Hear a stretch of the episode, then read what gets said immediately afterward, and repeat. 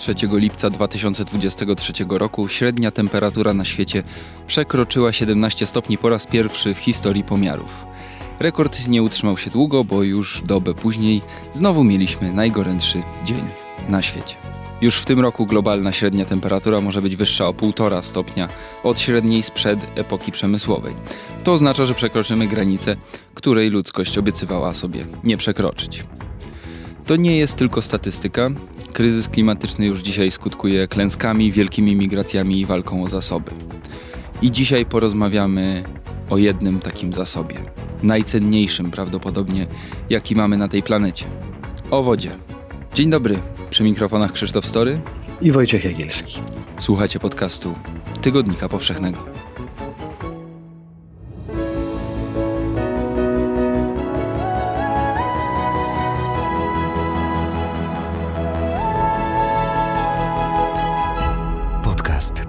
Powszechnego. Weź, słuchaj. Zaczniemy tę naszą podróż w poszukiwaniu wody na pograniczu Iranu i Afganistanu e, w regionie Helmand i nad rzeką o tej samej nazwie. Ale żeby nadać taki globalny kontekst, to trzeba by powiedzieć, że wodny kryzys, o którym będziemy rozmawiać i postaramy się to pokazać, to nie jest zjawisko marginalne. To jest zjawisko, które dotyczy prawie połowę ludzkości, która w jakiś sposób jest dotknięta niedoborem wody przynajmniej przez część roku, bo to bardzo często są niedobory sezonowe. Ale przenieśmy się na chwilę na granicę Afganistanu i Iranu. To jest prawie 600 kilometrów tego pasa granicznego. Region bardzo niestabilny przede wszystkim, ale też region, w, w którym wydarzenia warunkują to, czy Iran ma co pić. Bo rzeki spływające z Hindukuszu, z Pamirów yy, i wpływające do Iranu są głównym zasobem wody tego kraju, tylko one najpierw muszą przepłynąć przez Afganistan. I taką rzeką jest yy, na przykład Helmand. Yy, powiesz nam więcej o tej rzece? No to jest najdłuższa rzeka w Afganistanie. Zwykle no w Afganistanie w ogóle rzek jest niewiele. Raczej się kojarzy rzeka Kabul z Afganistanem, Piancz na północy, a to Helmand jest najważniejszą rzeką kraju, która płynie ze wschodu na zachód i e, dzięki tej wodzie z tej rzeki prowincja e, imienniczka Helmand, e, kolebka talibów, przez wiele lat pełniła rolę dla Afganistanu takiego no, ubogiego, ale jednak dla Afganistanu ważnego spichlerza. E, stamtąd z pól nad Helmandem, z prowincji Helmand pochodziły najlepsze, najsmaczniejsze owoce. Tam były główne uprawy. No to było rolnicze zagłębie Afganistanu. Też e, ta rzeka była źródłem, jest e, energii elektrycznej. E, to z elektrowni wodnych pobudowanych na rzece Helmand Afganistan czerpie prąd. Elektrownia Kadżaki w Helmandzie i na Helmandzie jest najważniejszą chyba tego rodzaju budową w całym Afganistanie. O rzekę i o ziemię wokół rzeki dbano w Afganistanie od zawsze, a zwłaszcza po II wojnie światowej, kiedy ten kraj mm, wyszedł przynajmniej na jakiś czas spod takiej skorupy izolacjonizmu i zaczął zapraszać do siebie specjalistów z rozmaitych krajów z całego świata, żeby mu pomogli mm, wydostać się z takiej epoki zacofania i wkroczyć w tą epokę modernizacyjną. I wtedy nad Helmandem i w Helmandzie po raz pierwszy pojawili się Amerykanie, którzy właśnie e, uczyli Afgańczyków e, jak unowocześniać te kanały irygacyjne, które Afgańczycy budowali sobie od wieków, e, jak e, uprawiać e, dwudziestowieczne rolnictwo i jak budować elektrownie wodne. Więc te lata 50., 60., ten czas modernizacji Afganistanu, to jest także chyba może początek nawet e, problemów e, z wodą Helmandu. E, czy pojawiła się wtedy troska, że tej wody może nie starczyć dla wszystkich, albo jeżeli jeden z sąsiadów weźmie sobie jej więcej, bo akurat więcej potrzebuje, to co z tym sąsiadem, do którego ta woda nie dopłynie? Mm, lata 70., końcówka lat 70. to wyjątkowo burzliwy czas i w Afganistanie, i w Iranie. Aha, i rzeka Helmand takim punktem bardzo wyrazistym, którego nie sposób nie zauważyć, jak się podróżuje mm, po tych częściach e, świata, e, było jezioro Hamun. E, ono jest w dalszym ciągu. To jest jezioro na pograniczu afgańsko-irańskim. Wielkie bagniska, jedne z największych na świecie wciąż.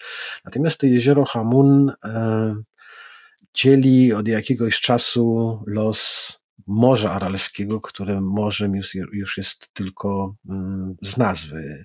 Wysycha, bo tej wody, mm, tak jak coraz mniej dopływało do Morza Aralskiego Serdarią i Amudarią, tak Helmandem też e, jezioro Hamun jest z roku na rok, czy było coraz e, skąpiej mm, zasilane. E, tak jak wspomniałeś, e, to jest 600 kilometrów granicy, ale te pogranicze irańsko-afgańskie, pakistańsko-irańskie i pakistańsko-afgańskie to jest wyjątkowo mm, ziemia surowa, nie gościnna, chociaż lud gościnny tam mieszka, Beludżowie rozdzieleni między trzy państwa. Beludżów jakby się zebrało wszystkich razem, to pewnie trochę mniej więcej tyle samo co, co Kurdów i Beludżowie domagają się autonomii w Iranie i w Pakistanie. W Afganistanie się jej nie domagali, bo, bo tam autonomię każdy miał, ile sobie e, jej wywalczył. Od, od, od zawsze w zasadzie tam podnosiły się jakieś rebelie. Upominali się a to Beludżowie o swoje prawa, a to wojska z Teheranu czy z Islamabadu przyjeżdżały, żeby wybijać Beludżom z głowy te myśli autonomiczne, ale ponieważ jest to teren tak rozległy, tak bardzo pozbawiony infrastruktury, tak, bo, tak, tak, tak biedny wreszcie, to była to zawsze ulubiona mm, kraina wszelkiej maści przemytników, a, a, a przez tamte granice od dziesiątków lat e, przemyca się wszystko, co w zasadzie daje jakikolwiek zarobek. E, najpierw w latach 80., 70. te pierwsze miliony przyniosły narkotyki, przemycane z Afganistanu, a ostatnio jest to też szlak e, takich przemytniczych karawan, mm, którymi do Europy wędrują uciekinierzy. Rozmawialiśmy już o biznesie narkotykowym Afganistanu, który, dla którego w pewnych regionach właśnie eksport e, czy przemyt narkotyków to jest główne źródło przeżycia e, dla wielu mieszkańców. Te problemy, o których dzisiaj będziemy rozmawiać, bo będziemy rozmawiać o konfliktach i wojnach o wodę.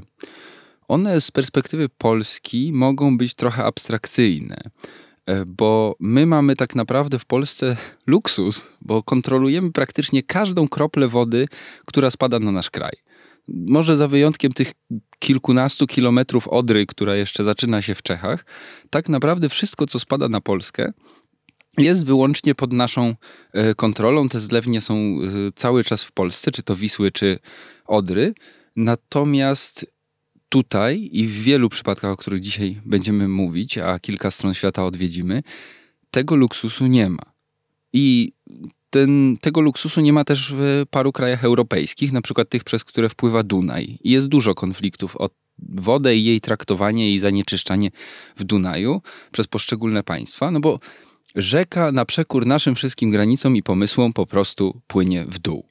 E, nie obchodzi jej, czy akurat płynie przez Austrię, Serbię czy Rumunię. E, no i sąsiad, który jest w dolnym biegu rzeki, dostaje w spadku tyle, ile mu kolega w górnym biegu rzeki zostawił.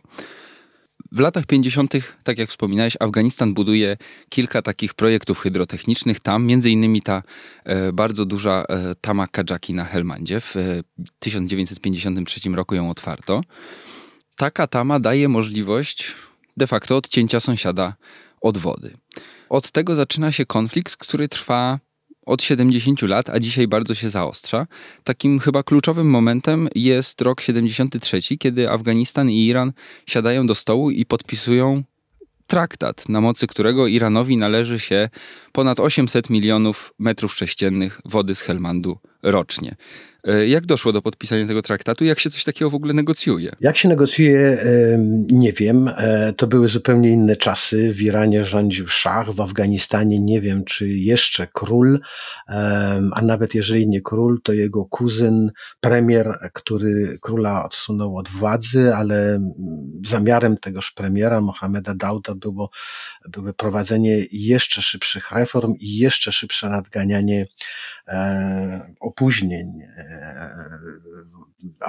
Afganistanu wobec, wobec świata. Więc, ale w tamtych czasach i irański szach, i afgański premier Daud, obojętnie czy z królem, czy bez króla, bo był też premierem króla, prześcigali się jakby w tych swoich marzeniach modernizacyjnych. I jeden i drugi byli zapatrzeni w Zachód, chcieli się modernizować, industrializować, więc nie dziw, że premier Daud postanowił za radą Amerykanów budować elektrownię, no żeby zaopatrzyć Afganistan w prąd, bo bez prądu jakakolwiek modernizacja nie ma szans powodzenia.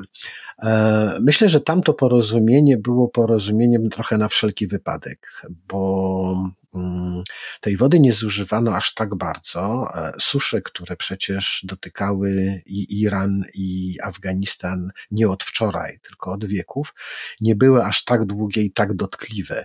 E, podpisano porozumienie, bo Afganistan starał się w tamtych czasach żyć w przyjaźni. Zresztą Afganistan do dziś stara się żyć e, przynajmniej w pokoju, jeżeli nie w przyjaźni ze wszystkimi sąsiadami. W ogóle Afgańczyków, Afganistan nic poza tym, co afgańskie nie obchodzi i nie chce żadnych wojen z sąsiadami, byle ci sąsiedzi mu się nie wtrącali w jego własne sprawy, więc podpisali z Irańczykami porozumienie tak na wszelki wypadek, bo myślę, że Irańczycy po raz pierwszy zaniepokoili się, że skoro Afgańczycy tak na potęgę budują te elektrownie i zapory wodne, no to tej wody Helmandem do Iranu może dopływać mniej i mniej, a przede wszystkim, że jeżeli Afgańczykom przyjdzie do głowy, no mają już urządzenia, mm, którymi mogą tą wodę, w ogóle kurek zakręcić i wody w Iranie nie będzie. Więc porozumieli się wtedy, ile wody z Helmandu należy się co roku e, Iranowi.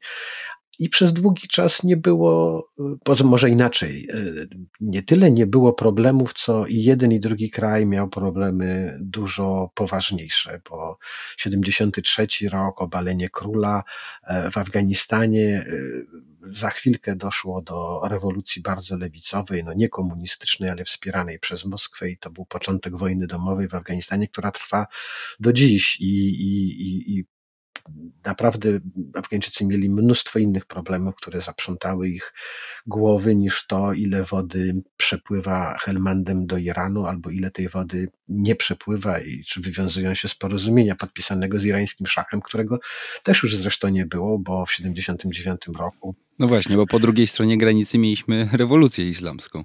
W tym samym niemalże czasie rozpoczęła się wojna w Afganistanie, najazd armii radzieckiej, a w Iranie rewolucja muzułmańska, która obaliła szacha i amerykańskie porządki. E, więc e, przez długi czas i jedni i drudzy tym się w ogóle nie zajmowali. Ale ostatnio, e, właśnie w ostatnich latach jakby, albo ostatnich dwóch czy trzech latach ten problem bardzo, bardzo stał się, stał się dużo pilniejszy i poważniejszy, bo w Iranie te susze zaczynają być coraz dotkliwsze. E, to wynika i ze sposobów, w jaki ajatollahowie gospodarzą krajem, ale także ze zmian klimatycznych. E, pogranicze z Afganistanem to jest tradycyjnie od wieków najbardziej zacofana, najbiedniejsza część Iranu.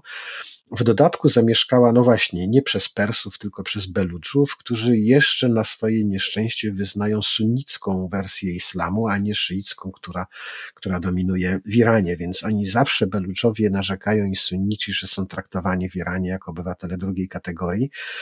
No to teraz jeszcze poza tym doświadczanym czy odczuwanych przez nich prześladowaniami, dokucza im brak wody.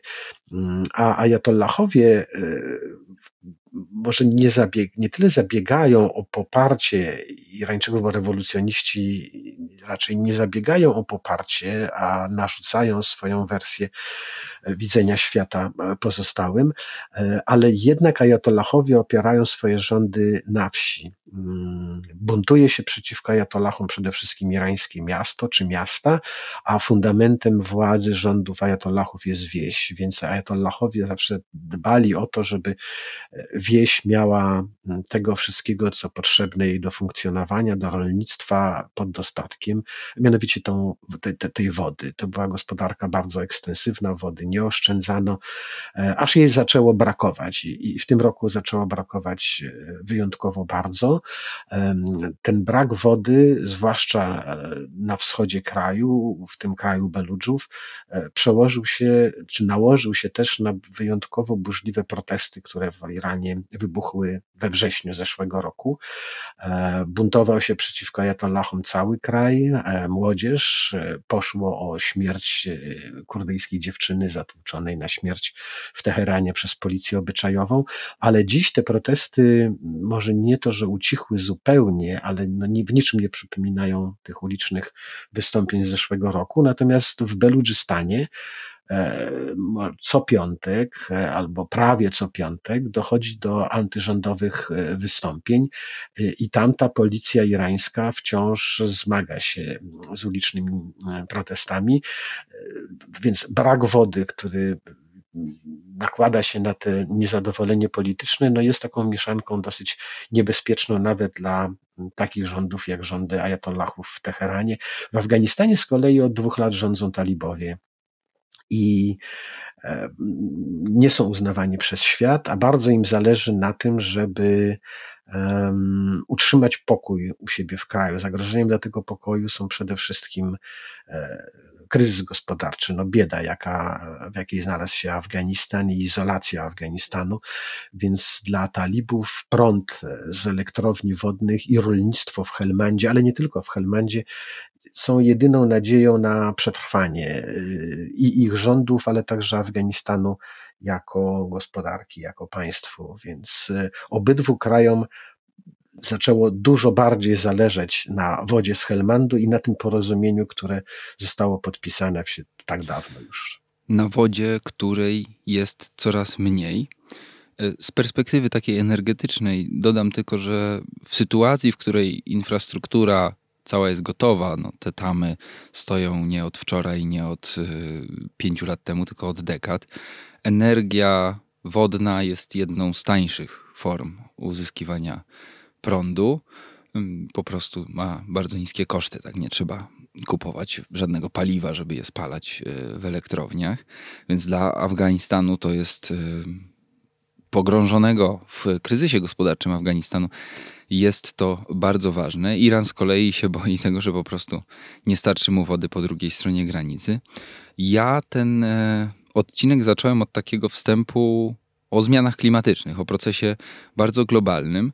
No a tu okazuje się, że można powiedzieć, prowincjonalny konflikt y, na pograniczu właśnie w swoich takich przyczynach wraca do zjawiska, które ogarnia cały świat. Ten konflikt się ostatnio zaostrza. E, pod koniec maja na granicy e, irańsko-afgańskiej doszło do strzelaniny. Zginął, e, zginęło dwóch irańskich strażników granicznych i jeden żołnierz talibów. Kilka osób było rannych. No i trwa taka przepychanka. Jedna strona odwołuje się do tego traktatu sprzed 50 lat, który dalej jest ważny. Druga strona mówi, no ale my nie mamy wody wystarczająco, żeby wam jeszcze oddawać. E, na co Teheran, który też średnio uznaje władzę talibów, e, ale no z nimi rozmawia, bo nie, nie da się w Afganistanie dzisiaj rozmawiać z nikim innym, e, negocjuje. Padają różne ostre słowa i, i ze strony dowódców talibów, i ze strony Ebrahima Raisiego, prezydenta Iranu. Woda jest to nie jest kotlet schabowy, z którego można zrezygnować i, i zjeść coś tańszego. Bez wody nie da się żyć. W sytuacji, w której jej brakuje, wydaje się po prostu, że traktaty sprzed 50 lat to jest jakaś abstrakcja, no bo ten Afganistan, który sam nie ma nadmiaru wody, po prostu jej nie odda, tylko dlatego, że 50 lat temu ktoś coś podpisał.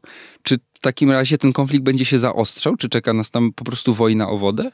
Myślę, że do wojny nie dojdzie, a przynajmniej nie do wojny między państwami, bo i władzom Iranu, i Afganistanu um, zależy na um, zgodnej współpracy. Obydwa kraje zdają sobie sprawę, że tej wody może brakować, natomiast żaden z tych krajów nie chce mm, dać się wystrychnąć na dudka przez sąsiada. Irańczycy y, bardzo się oburzyli, że tej wody nie dostają tyle, ile jest zapisane w układzie mm, międzypaństwowym. Ambasador irański z Kabulu e, wyliczył, że nie dostaje Iran nawet 4% wody, która mu przysługuje, ale Afgańczycy rozkładają ręce i pokazują, pokazują na paragraf z tego, z tego samego układu, który mówi, że w przypadku klęski żywiołowej, suszy czy jakiegoś innego nieszczęścia, kiedy wody zabraknie, no to te postanowienia mówiące, ile to metrów sześciennych e, rocznie Iran ma dostawać z Helmandu,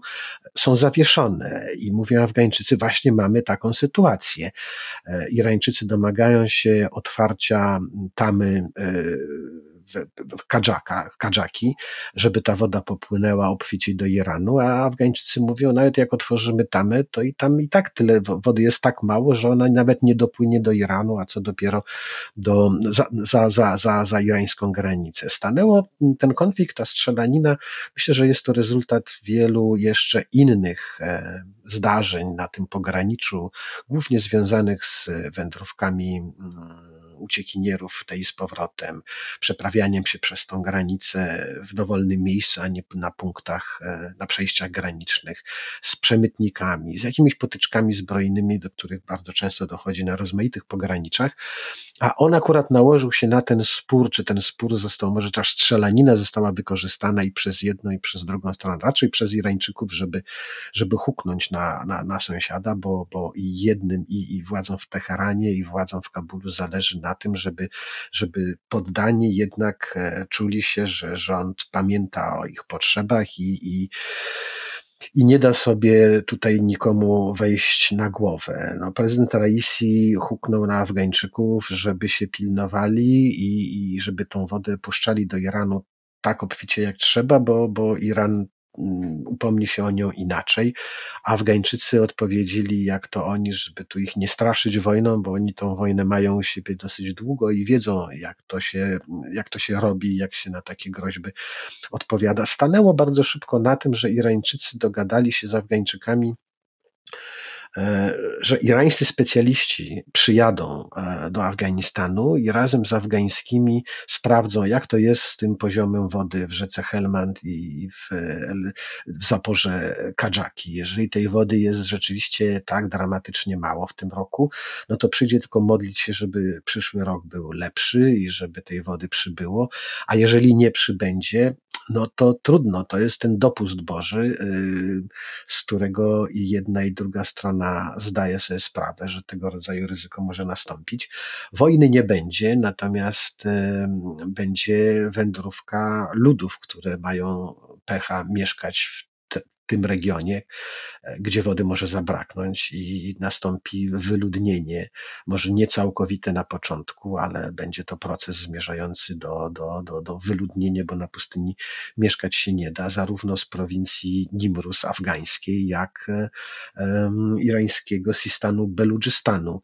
E, w tym roku wiosną już pojawiły się w Iranie takie złowieszcze prognozy, że do jesieni Sistan Beludżystan może, że do jesieni w Sistanie Beludżystanie może po prostu wody zabraknąć z powodu zmian klimatu, ale także z powodu tego, że ta woda przez tak wiele lat była tak bardzo marnowana. E, uważano, dalej tak uważamy, że, że wodę po prostu mamy, tak jak mamy powietrze mm, i że nie może tego po prostu zabraknąć. A nie troszczono się o zasoby wodne. No i okazało się, że, że, że wkroczyliśmy w tak trudny czas, kiedy tej wody może po prostu dramatycznie zabraknąć, kiedy, kiedy może jej nie być, kiedy w wielu miejscach świata z powodu braku wody życie mm, przestanie być dalej możliwe. A to z kolei skutkuje wielomilionowymi migracjami, jak wspomniałeś. A te migracje doprowadzają, prowadzą bardzo często do konfliktów zbrojnych, bo nie każdy e, chce w swojej oazie ustąpić miejsca, albo nie każda oaza pomieści i tych, którzy tam mieszkają od lat, i tych, którzy chcą się osiedlić, żeby ratować sobie życie.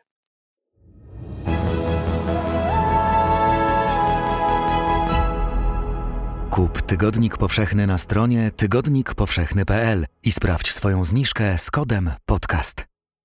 My o tym często zapominamy, no bo w sytuacji konfliktu on deklaratywnie nie toczy się o, o klimat, o, o, wodę, tak? Nikt nie, nie ma na sztandarach y, kropli wody w przypadku jakichś konfliktów, ale na wiele y, współczesnych sporów, y, wojen, jeśli prześledzi się ich przyczyny, to wrócimy właśnie do tego, do, albo do dostępu do ziemi, albo do dostępu do wody.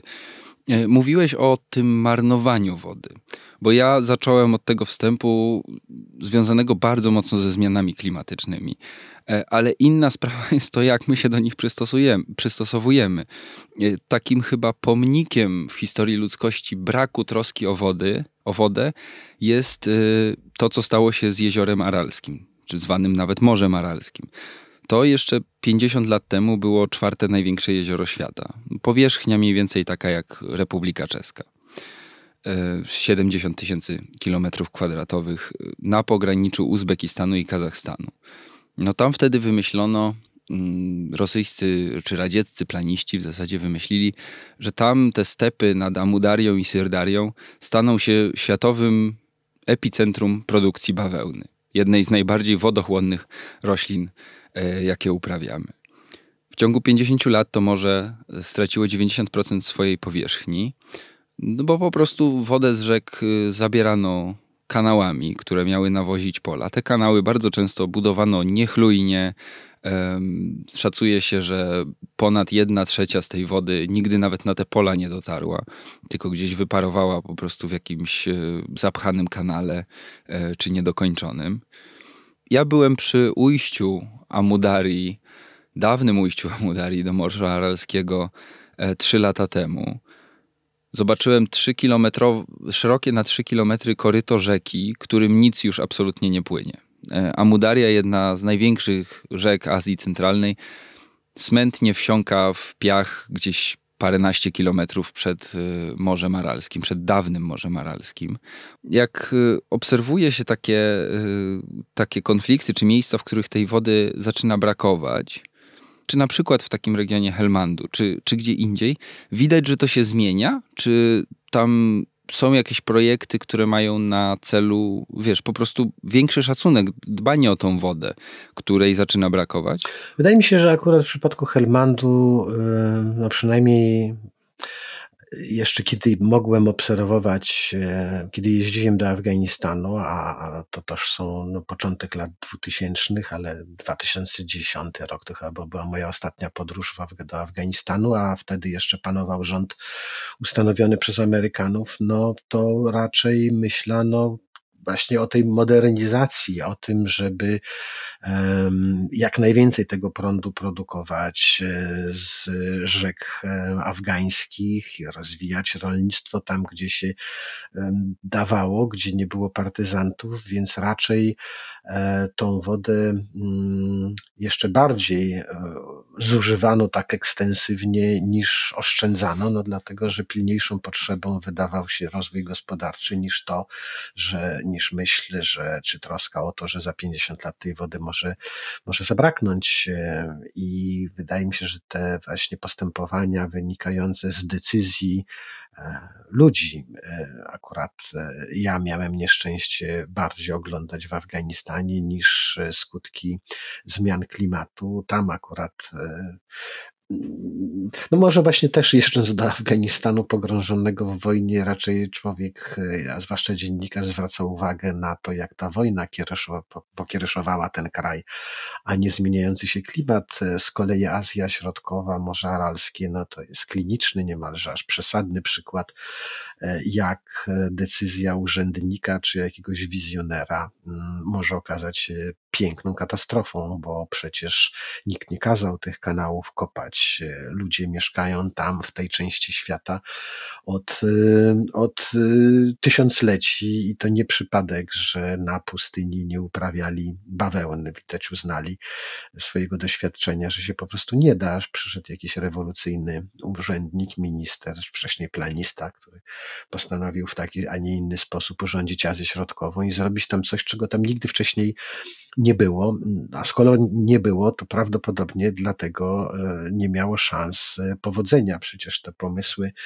e, radzieckich, ale to akurat przypadek, że to radzieccy, bo myślę, że podobnie szaleni wynalazcy czy wizjonerzy mieli szansę znaleźć się w każdej części świata, bo kiedy przecież zabrakło wody w Amudarii i w Syrdarii, to pod pomysł, że może by zawrócić syberyjskie rzeki na południe, tam pobudować jakieś wielkie zapory, jak się nie da inaczej, to spuszczając na te rzeki bomby atomowe i niech one sobie płyną, te Jenisieje i Oby mm, do Azji Środkowej, wtedy może tej wody starczy. E, no, szczęśliwie do tego nie doszło, bo, bo niechętnie, niechętnie, ale e, zaniechano pomysłu nawadniania pustyń Kizyłkum i Karakum i uznano, że jednak na pustyni może plantacji bawełny zbudować się nie da. Przynajmniej nie w tym rozmiarze, jaki był planowany. E, no da, da się, da się. Uzbekistan jest do dzisiaj szóstym największym producentem bawełny na świecie. To prawda, ale Uzbekistan zawsze uprawiał e, bawełnę, natomiast y, no, tych upraw nie przeniósł tam, gdzie wymyślono mu na Kremlu. Ta bawełna jest oczywiście uprawiana w sposób też taki e, jakby no, straszliwie zaborczy i prawdopodobnie gdyby e, uprawiano tą bawełnę w sposób nowocześniejszy, bardziej przemyślany, to i tej wody Uzbecy nie zużywaliby aż tyle do, do na, na tych bawełnianych polach, ale znów, no, pamiętam jeszcze w latach 90. E, największą tajemnicą i największym kłopotem, z jakim się spotkałem w Uzbekistanie, było właśnie uzyskanie pozwolenia na to, żeby przyjechać tam kiedyś, kiedy na zbiór bawełny. E, już bardziej tolerowali rozmowy z jakimiś dysydentami, e, pytanie, zadawanie ministrom pytań kłopotliwych o politykę, ale broń Panie Boże, żeby dziennikarz nie pojechał gdzieś do Termezu oglądać, jak się zbiera bawełnę. To była tajemnica państwowa. No, nie chciano dopuszczać obcych, e, żeby byli jacyś obcy świadkowie przy tych zbiorach bawełny, a mnie interesowało, jakiego bluesa śpiewają uzbeckie kobiety zbierając bawełnę, bo bawełnę zbierał cały naród, cały kraj. Dzieci nie chodziły do szkoły, e, ich ojcowie nie chodzili do fabryk, matki nie uczyły w szkołach, akurat to był czas wakacji, więc i tak by nie uczyły, ale jeżeli były włókniarkami e, z Samarkandy czy z Buchary, to też nie pracowały, tylko jechały zbierać e, bawełnę, bo to było to białe złoto.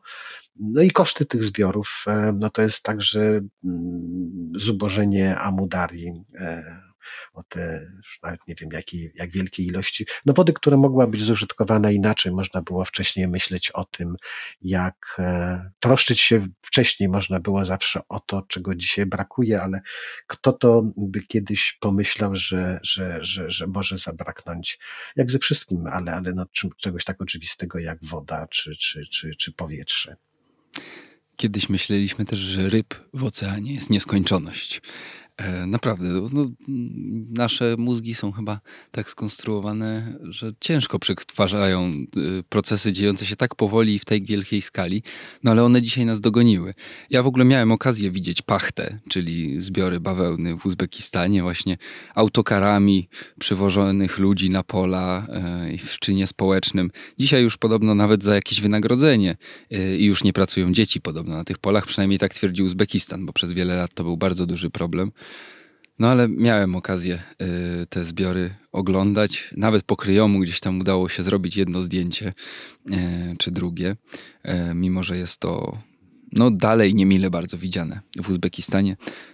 Wybierzmy się jeszcze, wiesz co, do Afryki na ostatnie minuty i ostatni rozdział tej naszej podróży za wodą. Które z afrykańskich konfliktów a być może zaraz okaże się, że tak naprawdę wszystkie są tak naprawdę o wodę, bo chyba tego nie brakuje.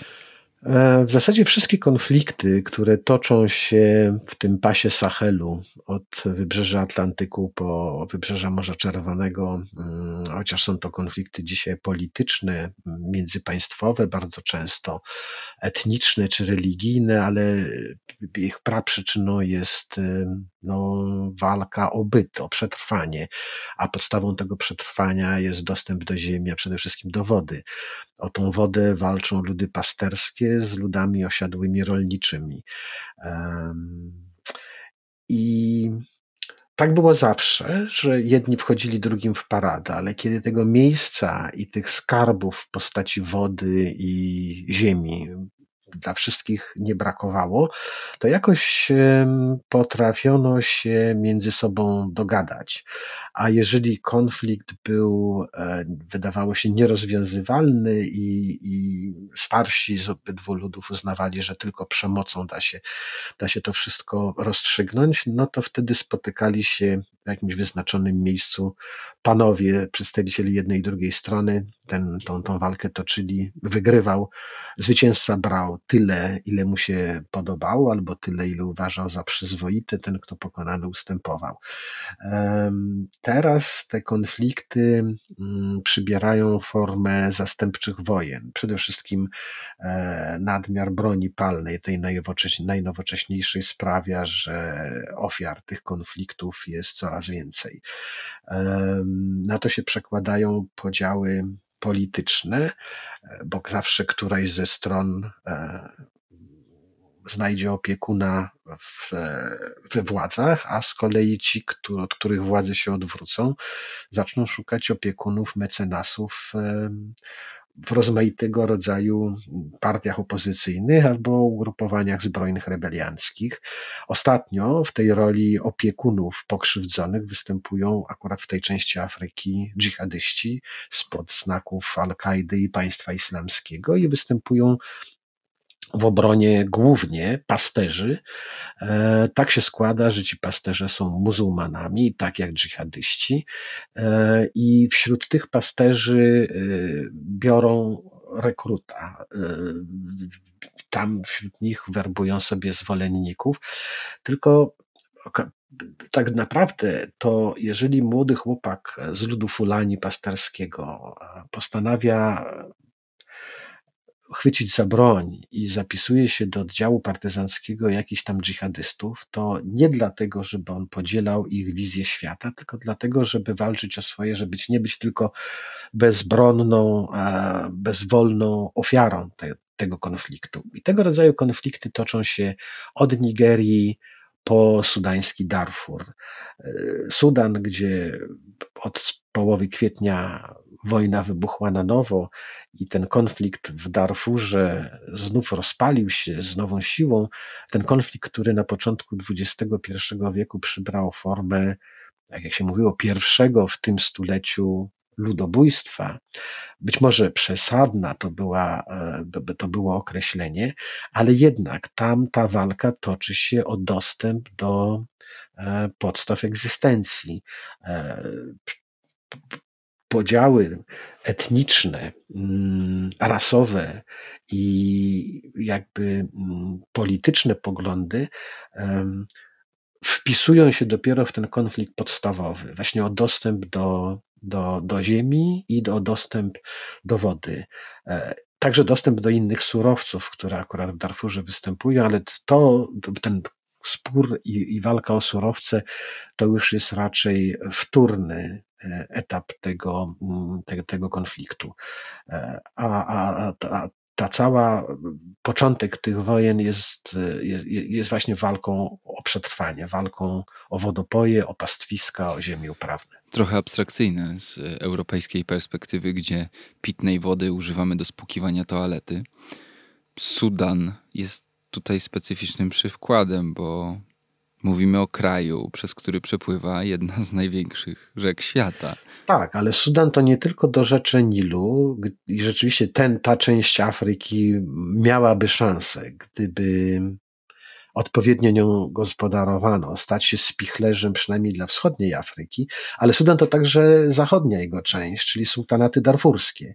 Tam wody nigdy nie było za wiele, bo to już jest y, E, to już jest prawie Sahara, albo nawet nie prawie, to jest pustynia. Wody zawsze brakowało i tam walka toczy się o, o wodę. To są wojny o wodę między ludami zamieszkującymi tą część Sudanu ten, kto wygra, będzie miał wodę, ten przetrwa. Dla tego, któremu wody zabraknie, będzie albo, albo będzie musiał się pogodzić z tak marnym losem, albo będzie musiał uciekać, przenosić się za granicę do Czadu, albo właśnie szukać gościny w Hartumie, e, w, w jakichś innych częściach Sudanu. Mm, no to, to jest właśnie ten, to, to, to są te wędrówki ludów. Ludzie ucieka, uciekają przed wojną, ale uciekają także z miejsc, które przestały nadawać się do życia z rozmaitych powodów. Wojna wcale nie musi być jednym z nich.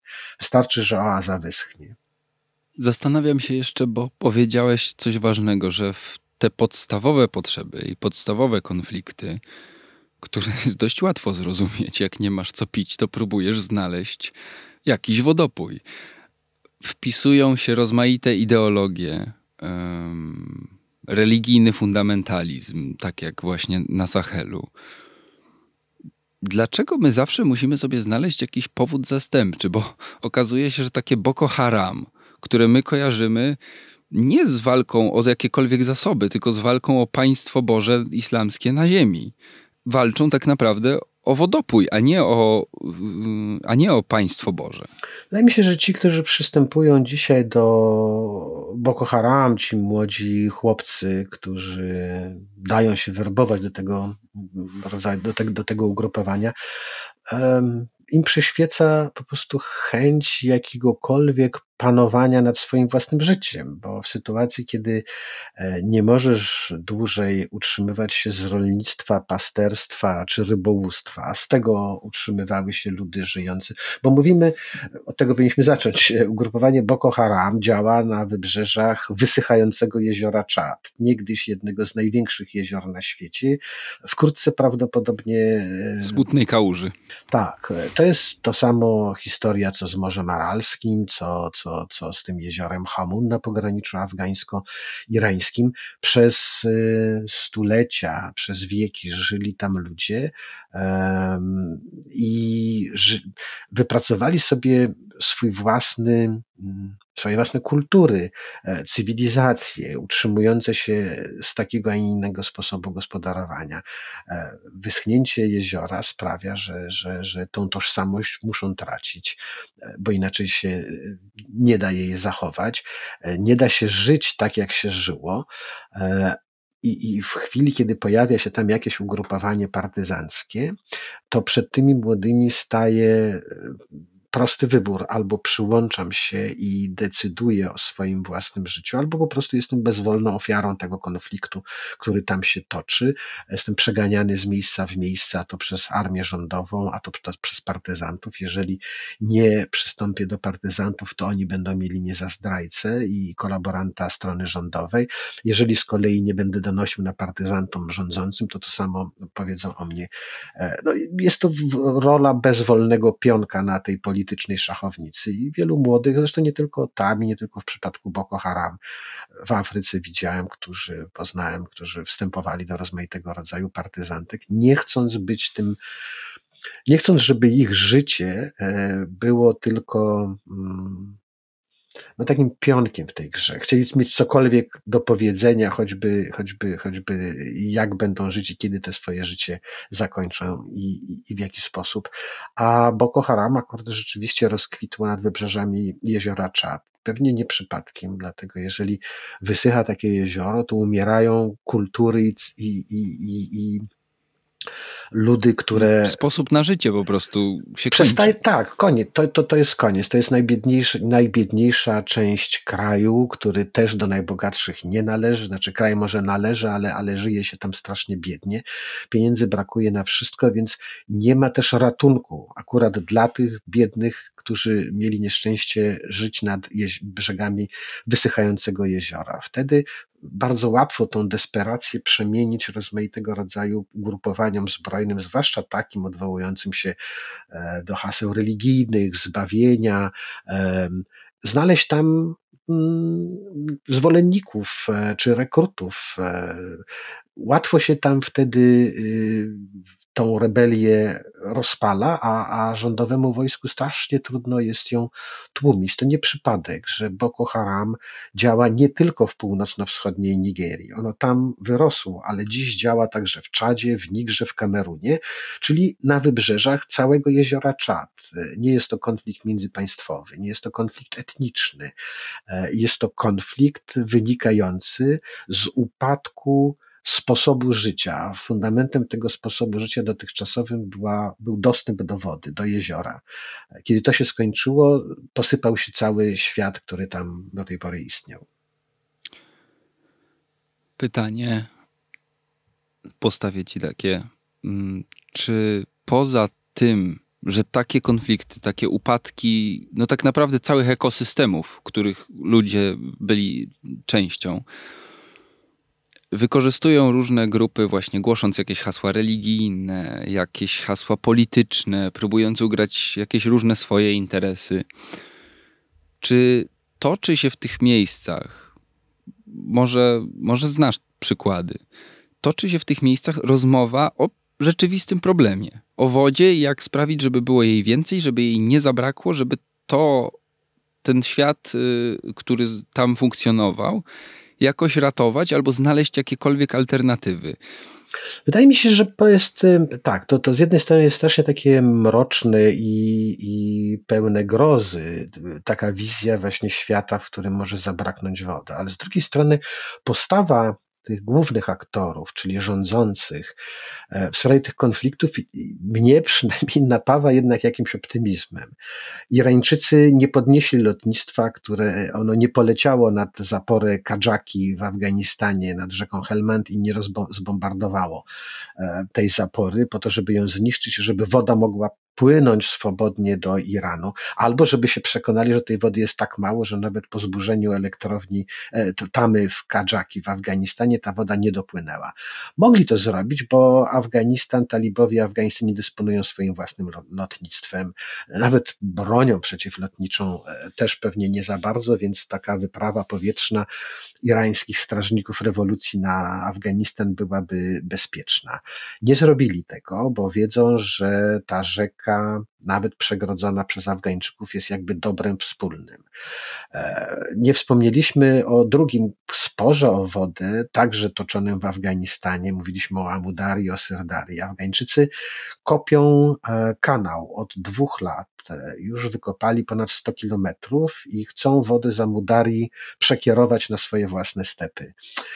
Uzbecy, mm, którzy widzą siebie w roli takich żandarmów w tym regionie, zarządów Islama Karimowa, pierwszego prezydenta, któremu się zmarło w 2016 roku, ale kiedy on jeszcze panował, to zwykle jak ktoś próbował Uzbekom coś takiego robić, jak kanał, którym odprowadzał ich wodę za Mudari gdzieś do siebie, to się kończyło to bardzo szybko. Karimow albo posyłał wojsko, albo wynajdywał jakiegoś e, lokalnego wataszkę, któremu płacił pieniądze i on zbrojnie tego rodzaju pomysłu utrącał. Dzisiaj Uzbecy z Afgańczykami rozmawiają. Prawdopodobnie po to, żeby storpedować cały ten pomysł, no ale trudno storpedować coś, co już jest wykopane. 100 kilometrów talibowie już wykopali, zostało im jeszcze jeszcze 200, ale Uzbecy rozumieją, że to jest poważny problem i że trzeba jakoś to wspólnie mm, rozegrać, załatwić. Za Karimowa Uzbecy e, ilekroć ktoś z sąsiadów, czy to Kirgizi, czy Tadżycy, a to oni mają dostęp do tych źródeł wody w najwyższych górach, kiedy cokolwiek podnosili, jakąkolwiek sprawę, że, że może się jednak umówimy inaczej na tą wodę, a może więcej nam się należy z tytułu tego, że my jesteśmy pierwsi i to od nas wy, Uzbecy, zależycie, ile do was wody popłynie. E, Karimow szantażował ich i groził konfliktem zbrojnym. Obecni rządzący w Uzbekistanie wiedzą, że to jest wspólna sprawa i że lepiej się dogadać. A takim koronnym dla mnie mm, argumentem za tym, że jednak e, zdają sobie sprawę rządzący, państwami, że ten konflikt o wodę może być czymś dużo poważniejszym i wyniszczającym niż konflikty dotychczasowe o złoto, o uran, o ropę naftową, jest postawa państw z Nadnilu. E, parę lat temu, no to już kilkanaście lat temu, kiedy Etiopia zaczęła budować wielką tamę u siebie na błękitnym Nilu, e, prezydent ówczesny Egiptu, Hosni Mubarak, powiedział, że on prędzej pośle lotnictwo, która tą, tą, tą tamę zburzy, niż miałby dopuścić do tego, że ktoś z górnego biegu Nilu miałby decydować o tym, ile wody Nil przyniesie do Egiptu. Egipcjanie uważają Nil za swoją niemalże własność. Wiedzą już, że tak nie jest, ale jednak ta, ta, ta, gdzieś to tkwi w nich, że bez Nilu nie ma Egiptu i to jest prawda, ale że mm, Nil należy do Egiptu. E, Etiopczycy zbudowali tą tamę, zapełniają ją wodą, nie została zbombardowana przez Egipcjan, a wręcz przeciwnie, ostatnio jakby widać, że dzisiaj Egipcjanie i Etiopczycy martwią się, E, o Sudan, bo to jest kraj pomiędzy nimi i ten odcinek Nilu, e, no też jakby nie mają nad tym kontroli, e, wiedzą, że bez wody nie przetrwają ani Etiopczycy, ani Egipcjanie i że jest to zbyt ważna sprawa, żeby pozwolić sobie o nią rozpętać coś tak niepoważnego jak wojna. Więc mm, przyglądając się postawom rządzących, raczej, e, raczej e, to budzi we mnie ten taki optymizm i dobrą wiarę, że jednak nie są to ludzie mm, nieodpowiedzialni, tak strasznie nieodpowiedzialni, że może ci odpowiedzialni wśród nich przeważają i że jest świadomość, tak jak powiedziałeś, że rzeka sobie nie wybiera granic. I chyba mm, przeważa ta, ta, ta, ta świadomość i troska o dobro wspólne, jakim jest woda. Póki może tak to trwa, może póki tej wody wciąż starcza dla, dla, dla wszystkim, dla, dla innych mniej, dla drugich bardziej. Kiedy zacznie jej brakować dramatycznie, to być może i te skorpuły pójdą w kąt i wtedy zacznie się prawdziwa walka o przetrwanie tak czytając o tych wszystkich y, konfliktach o wodę, które toczą się, myśmy odwiedzili zaledwie kilka miejsc, one się też toczą i w Ameryce Południowej, y, w Europie toczą się różne spory wodne, że hmm, chyba zgadzam się z tobą, że jest taka optyka właśnie, póki co przynajmniej, że lepiej rozmawiać niż toczyć o wodę wojny otwarte, no bo wojny o wodę przegrać to jest już naprawdę źle. Już co możesz zrobić jeszcze dalej? E, to już ciebie nie ma. To, to wspomniałeś o tych konfliktach. E, raczej dzisiaj te konflikty o wodę przeradzają się w takie polityczne, może też nawet nie spory, w takie polityczne targi. E, Mekong wypływa z Chin. W zasadzie Chiny, które pobudowały na tym Mekongu, no, nie, nie zliczono, ale mnóstwo zapór wodnych, mogłyby wymuszać na sąsiadów z południa, a są to całe Indochiny, Tajlandia, Kambodża, Wietnam przede wszystkim, e, wstawiać swoje, żeby to wszystko się odbywało na ich prawach. Nie robią tego z jakiegoś powodu. Wydawałoby się, że to jest taka prosta, prosty oręż. Zamiast straszyć wojskiem, lotnictwem, zakręcić kran z wodą i pozwolić e, cierpieć e, pragnienie sąsiadom przez jakiś czas i to ich zmusi do pokory. tego jednak nikt nie robi, poza takimi skrajnymi tyranami i też w innych czasach, bo pozbawienie wody y, było karą na przykład dla Arabów z delty z Mezopotamii, spod Basry. E, Saddam Hussein postanowił ukarać ich w ten sposób za może nie poparcie dla Amerykanów e, w czasie pierwszej amerykańskiej wyprawy wojennej na początku lat 90., ale kiedy Amerykanie wtedy, w czasie pierwszej wojny w Zatoce, wkroczyli do południowego Iraku, Arabowie z Basry um, widzieli w tym nadzieję na obalenie tyrana Saddama Husseina.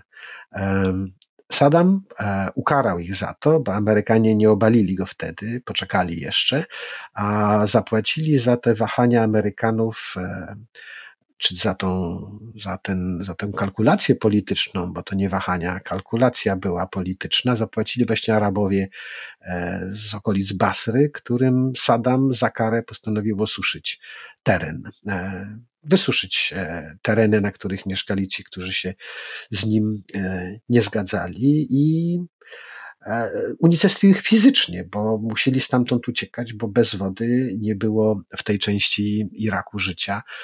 Mówiłem o Chinach i o Mekongu, przecież tego samego rodzaju szantaż mogłaby stosować Turcja, blokując wodę w Tygrysie, w Eufracie i wymuszać na Iraku i na Syrii to, co akurat by sobie Turcy życzyli.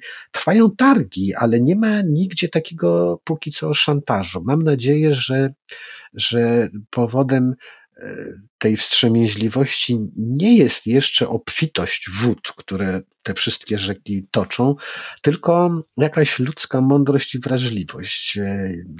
A nie uważasz, e, ja jestem chyba tutaj trochę mniej optymistyczny, ja uważam, że te zapory, które myśmy się nauczyli budować, dają nam zbyt dużą władzę i możliwość ingerencji. Obawiam się też. Ja jestem optymistą i staram się tym optymistą pozostać już e, na zawsze, ale zdaję sobie sprawę, że mm, kiedy tych dóbr zacznie brakować, to każdy oręż, ka wszystko, co może stać się orężem, czy to będzie mniejsza, czy większa zapora, e, może okazać się e, czymś bardzo kuszącym dla jednego czy drugiego rządzącego, żeby wymusić na sąsiedzie ustępstwa, albo żeby coś, czym się do tej pory e, dzielił, e, zabierze tylko sobie. Mm, obserwując to, co się dzieje chociażby w Europie i takie odchodzenie od tej e, idei wspólnotowości, jaka by ona nie była, przecież wspólnota nie polega na tym, że wszystko, co w niej, jeżeli ja wstępuję do jakiejś wspólnoty, to z, ze świadomością, że będę musiał się układać, że nie wszystko będzie po mojej myśli, że gdzieś będę musiał ustąpić, ale generalnie bilans strat i korzyści będzie dla mnie dodatny, tych korzyści będę miał więcej. A wydaje mi się, że dzisiaj każdy tak ta, ta, ta, to myślenie wspólnotowe czy o wspólnocie e, e, myśli się o niej z taką pogardą, jako, do, jako o czymś zagrażającym, a nie czymś, z czego się czerpie e, korzyści. I, i te takie sobie państwo, tak, to może być taka droga mm, trochę na skróty do tego, żeby w końcu zakręcać kurki i, i stawiać przegrody. Od dekad mówi się o zakręcaniu kurka w gazie, z gazem w Polsce. Dzisiaj chyba ważniejszy na nadchodzące dekady i na nadchodzące lata, bo 4 lipca Światowa Organizacja Meteorologiczna poinformowała, że Rozpoczął się El Niño. To jest taki cykl pogodowy e, polegający na tym, że ogromna strefa ciepłej wody pojawia się na Pacyfiku, zmienia przebieg prądów morskich e, i atmosferycznych, wpływa na pogodę na całym świecie, ogrzewając ją po prostu. Więc następne lata mogą być dla stref, które już cierpią efekty zmian klimatycznych, bardzo trudne. I myślę, że na te czasy ten kurek z wodą będzie ważniejszy niż wszystkie inne e, kurki na świecie. No i oby faktycznie e, jego zakręcanie czy odkręcanie odbywało się w drodze rozmów, a nie w drodze wojen e, i rozmaitych partyzanckich konfliktów i potyczek.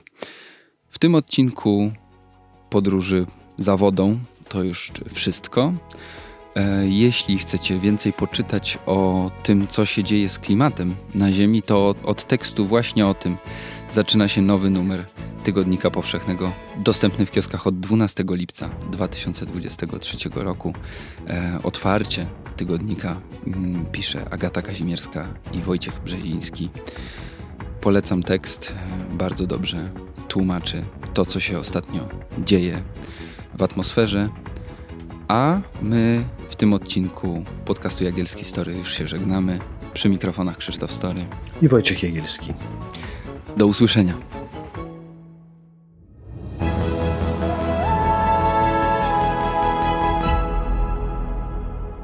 Dziękujemy za wysłuchanie podcastu powszechnego. Teraz zapraszamy na www.tygodnikpowszechny.pl, gdzie znajdziesz więcej materiałów pisma niezależnego dzięki swoim czytelniczkom i czytelnikom. Weź, czytaj i rośnij z nami.